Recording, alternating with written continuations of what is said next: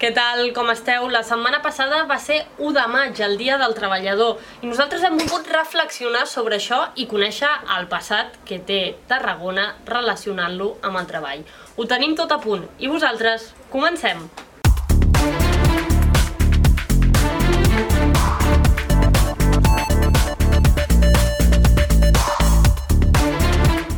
Als anys 50 comença la industrialització de Tarragona. Això fa que moltes persones d'arreu d'Espanya vinguin a la ciutat per buscar oportunitats i treballar.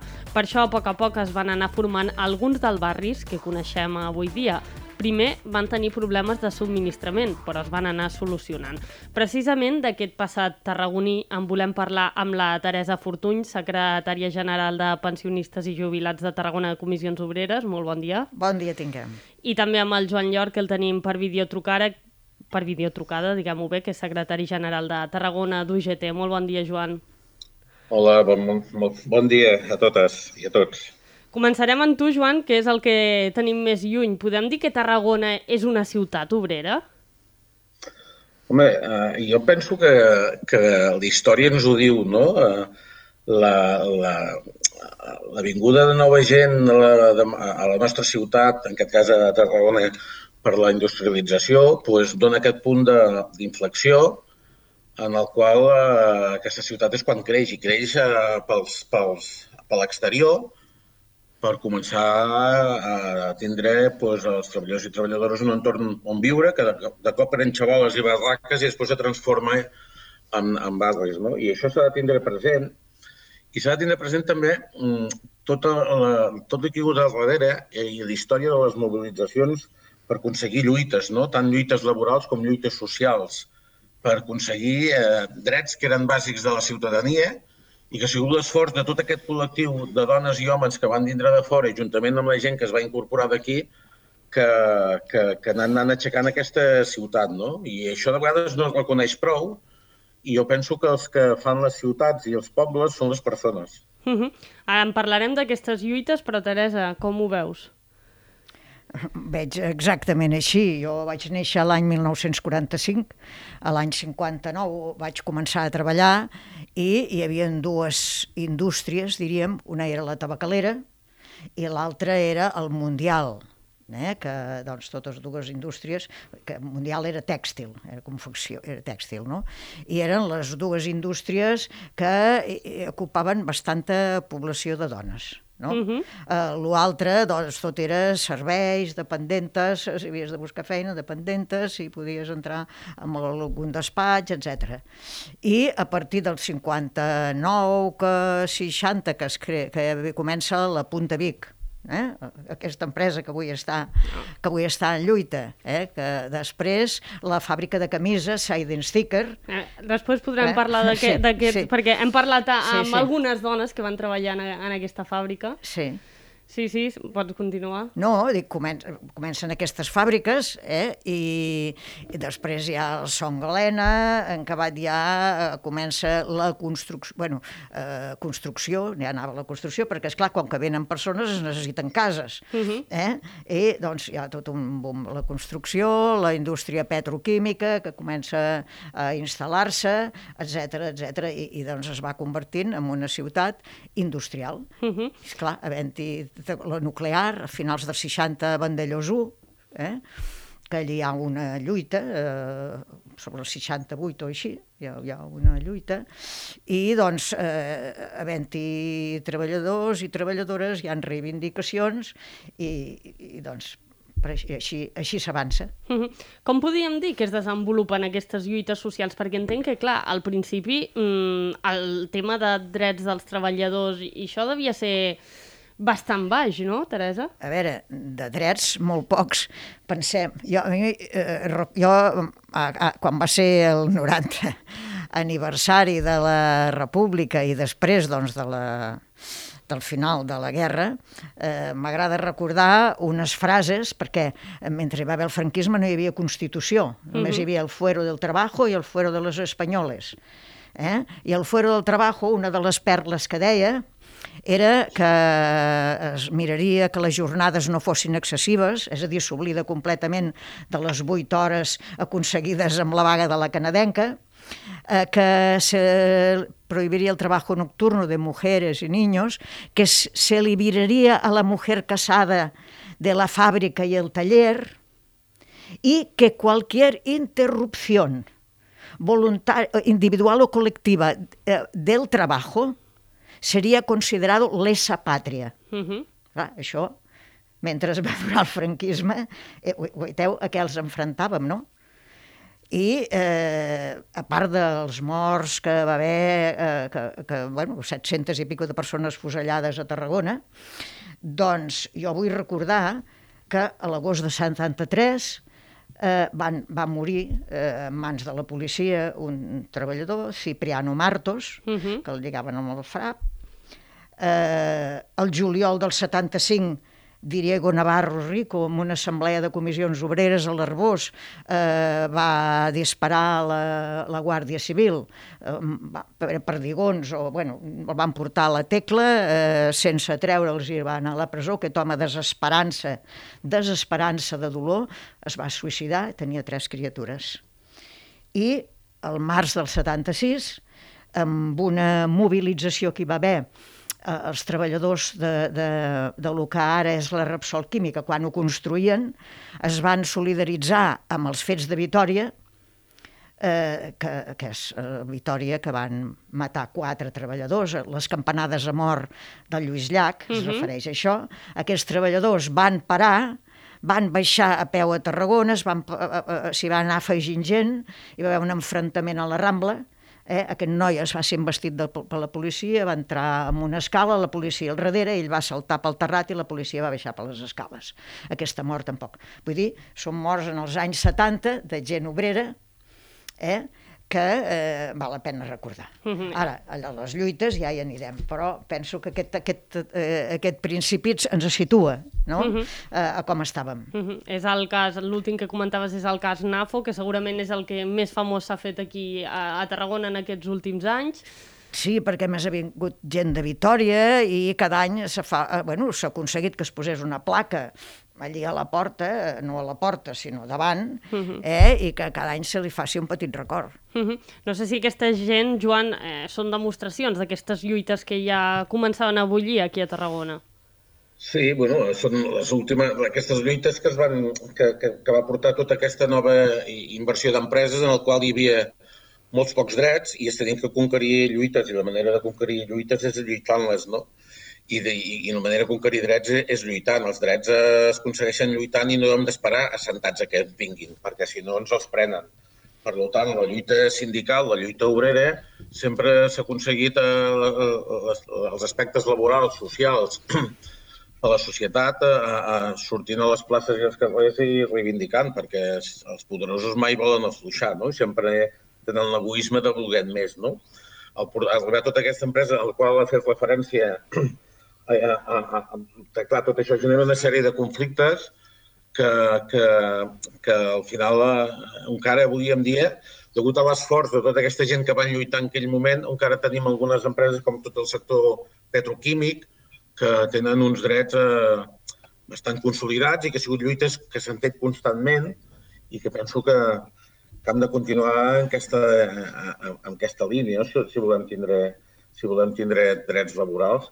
Jo també volia fer un esment també, eh, a part de, del reconeixement que ha fet la Teresa, eh, també a les dones. No? Les dones eh, han quedat eh, de vegades molt invisibilitzades en totes les lluites i les dones eh, són aquell element que sense elles no s'era pogut eh, de vegades a conquerir molts drets, no?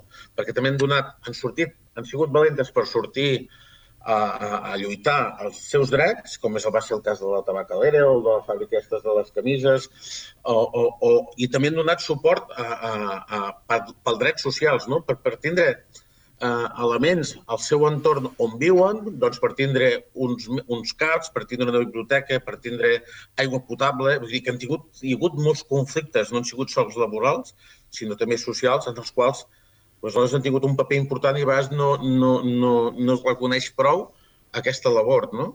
Uh -huh.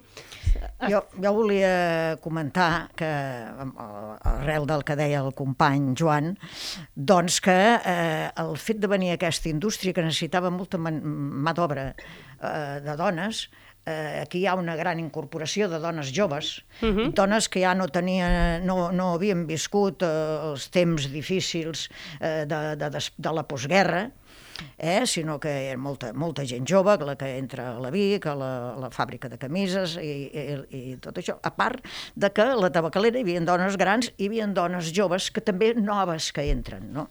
I per això, a l'any 66, a la, a la fàbrica de camises hi ha una vaga espontània perquè els hi modificaven els horaris. Exacte.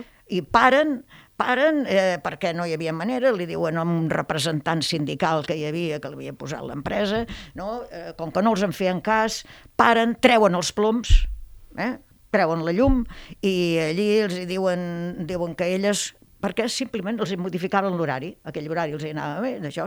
L'endemà va vindre corrents el, el d'Alemanya i van dir, bueno, que no lo hagan más, que no sé què, i van mantindre l'horari. Va haver un acomiadament, eh, em sembla que al final van aconseguir incorporar-lo, però això en deien vagues salvatges, perquè de legals no es podien fer.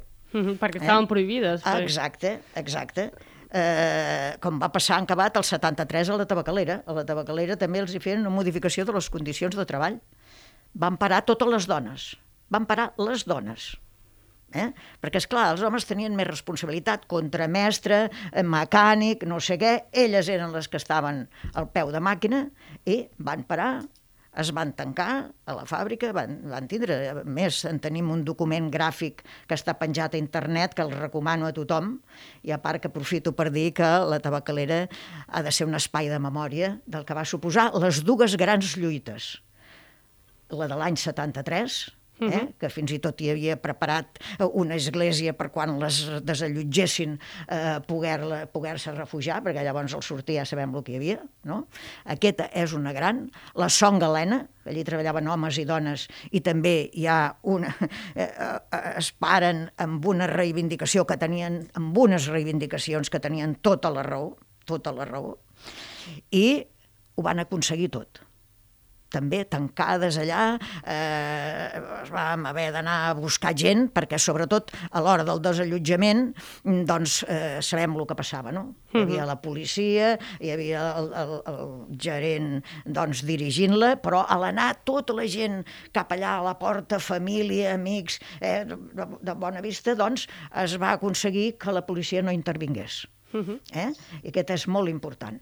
I dintre doncs, de, va haver la Loste, va haver la Raycon, va haver la Interflama, totes aquestes empreses hi treballaven dones. I la gran lluita a Bona Vista eh, de boicot als autobusos, perquè els apujaven una passeta, però una passeta valien quatre i els posaven a cinc. Uh mhm. -huh. I aquella lluita va durar dos mesos. Van vindre els especials de Logroño. Però és que aquella lluita no es va convertir només en la lluita eh, per, per el tema de l'autobús sinó que va ser reivindicar escoles, reivindicar un, la, la, el CAP, el Centre d'Assistència Sanitària, que havien d'anar a la canonja, és a dir, eh, els carrers, va ser, com que cada vespre hi havia assemblees, que això es feien a les esglésies, no? van haver detencions, el primer dia es van aconseguir treure de, de, dels furgons a, a, a la gent que detenien, però doncs, a la nit, el primer dia de, de Jos, que algunes persones hi érem, no? acompanyant, eh, doncs eh, es va, fer una va sortir al carrer una manifestació de mil persones. Eh? I allò va durar, ja dic, dos mesos. Uh -huh. O sigui, és clar, eh, eh, i aquí les dones, evidentment, que hi eren perquè unes a les fàbriques, i moltes de les fàbriques són les que anaven al davant i les que aquella tarda van anar als bars a treure els homes a dir vinga, sortiu, que això ens interessa a tothom. Uh -huh. Són fragments de, de Tarragona que això eh, ha, de, ha de formar part del, del Museu Històric. Uh -huh. Estem parlant de diverses eh, lluites, eh, molt interessant, però aquí indirectament va, um, va acompanyat de la unitat i del companyerisme que hi havia entre diverses persones i aquesta setmana hem pogut parlar amb diverses dones, sobretot hem parlat amb dones, que o van formar part d'aquestes lluites o els seus pares van formar part d'aquestes lluites i una d'elles eh, ens explicava això. Bueno, de fet, aquests blocs on jo vivia es deien les viviendes Helena. Eren en pisos que les mateixes empreses eh, feien eh, pels treballadors.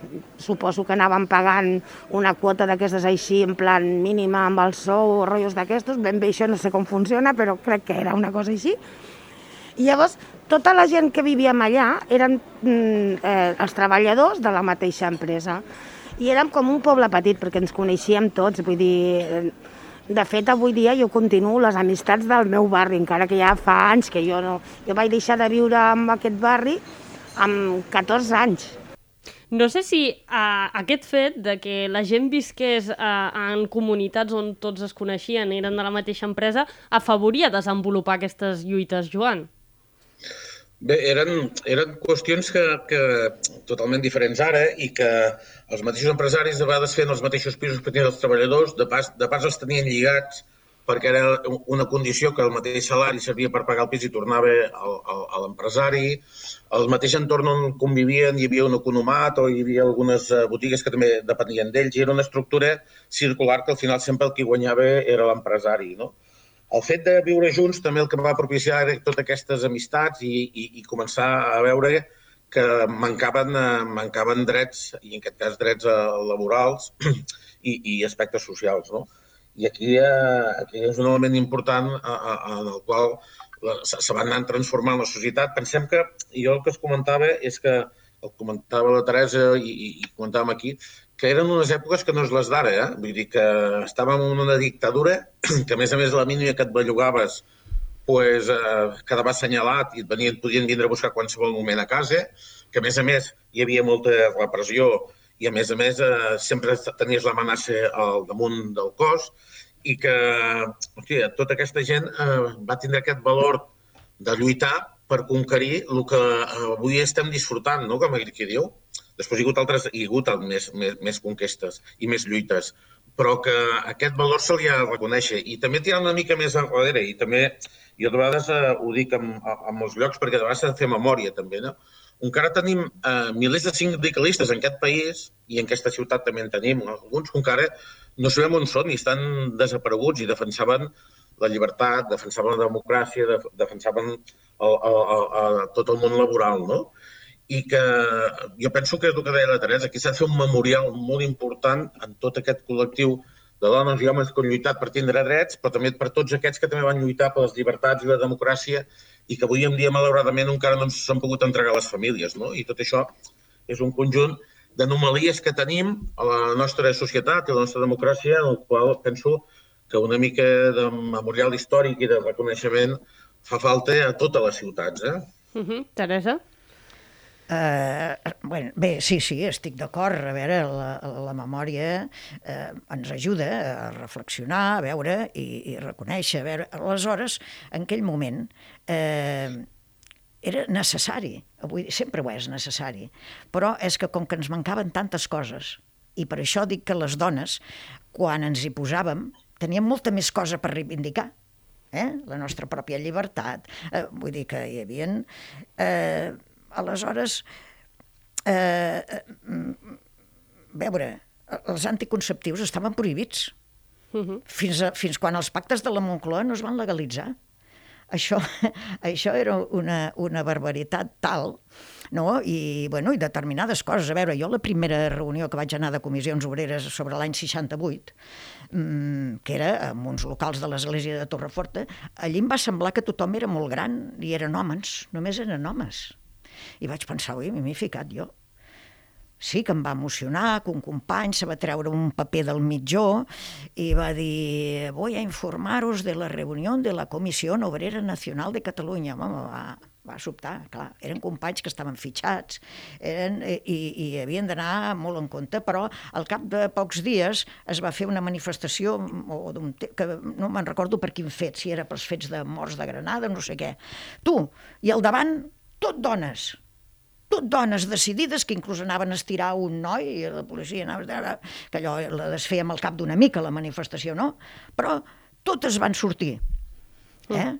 I, eh, I això, doncs, és clar, era, era important. Segurament estaven fent el sopar, perquè, clar, elles, les dones de reunió, doncs, això, no? Eh, aquella hora se feia fer el sopar. Eh, mm, I això, eh, clar, amb la gent jove, hi havia una altra manera. Llavors, la manera de treballar, normalment paraves mitja hora per esmorzar.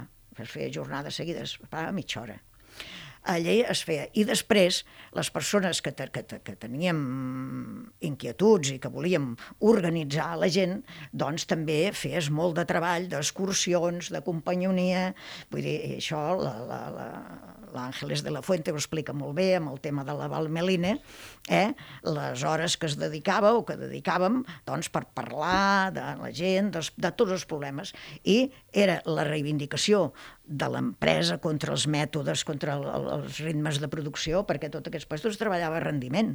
I el rendiment era una trampa com una casa, perquè si arribaves als 120 per poder eh, tindre una miqueta més de prima, si feia massa dies que feies servir, t'ho tornaven a medir, perquè el cronometrador no era més que un ull de cubero, eh, que mirava i deia, bueno, això es podria fer més de pressa, o allò, no? I, i, i la manufactura sí, sí treballava molt d'aquesta manera. I a lluitar contra aquestes coses eh, era el que et feia doncs, eh, tota la solidaritat, explicar-los i, i tot, etc. Em va molt bé que hagis tret l'Àngeles de la Fuente perquè també hem parlat amb ella aquesta setmana i precisament ens comentava coses molt similars a, ara a les que deies. Fue, la primera etapa fue muy dura porque yo empecé a trabajar en, lo que llamaban el cuello, que era, una cadena de trabajo que no sé si habéis visto la, de, la película de tiempos modernos, donde va, viéndose una cadena, eh, una, una secuencia eh, cortada en trocitos, trocitos, trocitos. Bueno, pues eso es lo que hacíamos nosotros con el cuello y era muy duro porque no te podías ni levantar al lavabo ni, ni, tenías que hacer nada, solamente tenías las paradas, estaban establecidas y fuera de esas paradas no te podías mover. No sé si eh, és aquí on, on veiem la importància de les lluites eh, socials i les lluites obreres per aconseguir drets, Teresa és que no hi havia, no hi havia altre camí i la història és aquesta. Hi ha molta gent que s'hi ha deixat la pell, anys de presó, però eh, hi havia el convenciment de que si no ho feies així... Ara és diferent. Ara és diferent. Ara tenim més llibertat, sortosament, però les formes de treballar són totalment diferents, individualitzades, ens fan competir entre nosaltres. Eh? I eh, aquestes situacions d'assetjament que passa, assetjament moral que passa a les empreses, eh? Mm, es falta molta falta de, també de companyerisme, si no, no, moltes no passarien. Però és la forma en què ens fan treballar que ens enfrenten entre nosaltres. Eh? Es treballava més col·lectivament. Joan, no sé si hem tornat enrere en algun aspecte, ja per acabar, que se'ns tira una mica el temps a sobre. Mira, jo em dono la sensació que anem a passos agentats enrere. No? Jo, eh, meu avi, me deia quan ell volia anar a treballar, tenien que anar a la plaça a les 5 del matí i passava l'encargat i els, eh, i els aixecava la gorra i els deia tu treballes, tu no treballes, tu treballes, tu no treballes avui, saps? I, i, i hem canviat eh, el nom, però els fets són els mateixos. No? La, precari la precarietat que s'ha instal·lat en aquest moment i, i el poder que tenen a, a, a les grans corporacions i empreses doncs fan que les lleis inclús estiguin eh, acondicionades al seu favor. No? I ens trobem així amb, amb les situacions doncs, dels treballadors que estan en empresa de treball temporal que no saben si avui o demà tindran fenya, les empreses multiserveis que exploten les condicions laborals anant per sota de convenis, incrementant hores de treball amb baixos salaris, per tant, eh, aquí s'ha de fer tot entre canvi de mentalitat. No podem anar als, a, a, tal com anàvem al segle XIX o al segle XX, sinó que estem al segle XXI amb noves formes de treballar i haurem de sortir a lluitar i hem de sortir a lluitar perquè això de les 40 hores ve del, del segle passat i penso que en aquest moment el que toca és anar a repartir la feina, l'activitat laboral, anar a, a, a tindre 32 hores setmanals, perquè si no, no tindrem feina per tots. I aquest és un element en el qual s'haurem de començar a reflexionar eh, la societat en general, els treballadors i treballadores, perquè no pot ser aquesta manera de, d'aquest sistema de treball en el qual ens tornen cada vegada més individualitzats i cada vegada ens expulsen més del mercat de treball perquè cada vegada està més automatitzat. I aquesta societat s'ha de transformar i s'ha de transformar mirant els ulls de les persones no? i de les necessitats. Uh -huh. Teresa, no sé si vols afegir alguna cosa més ràpidament. No, estic completament d'acord. Les, les dues reformes les laborals en, ens han destrossat eh, amb això de la precarietat i han modificat condicions per les que s'havia lluitat contra les empreses de treball temporal. Doncs han d'aplicar el mateix conveni de l'empresa, però l'empresa no té per què... Eh, eh, llavors, multiserveis. Multiserveis, a què t'agafes? No? Eh, sempre eh, destrossar-ho i amb una empresa conviuen 10 empreses. Això mm. són elements que ens, de, ens, ens divideixen més i que, evidentment, són molt més productius gràcies a la, a la, als avenços que hi han. Per tant, és hora de rebaixar el, el, les, les hores de treball i repartir el treball i repartir la riquesa, que hi ha gent que en ca, aquestes dues crisis tan fortes n'han acumulat molts i no els volen deixar anar. Doncs moltes gràcies, Joan Llor, també Teresa Fortuny, per atendre'ns durant aquest matí uns minutets. Moltes gràcies per tot el que heu explicat. En surti coses molt interessants i segurament en podrem tornar a parlar algun altre dia. Molt bé, moltes gràcies a vosaltres per convidar-nos. Moltes gràcies. Bon dia.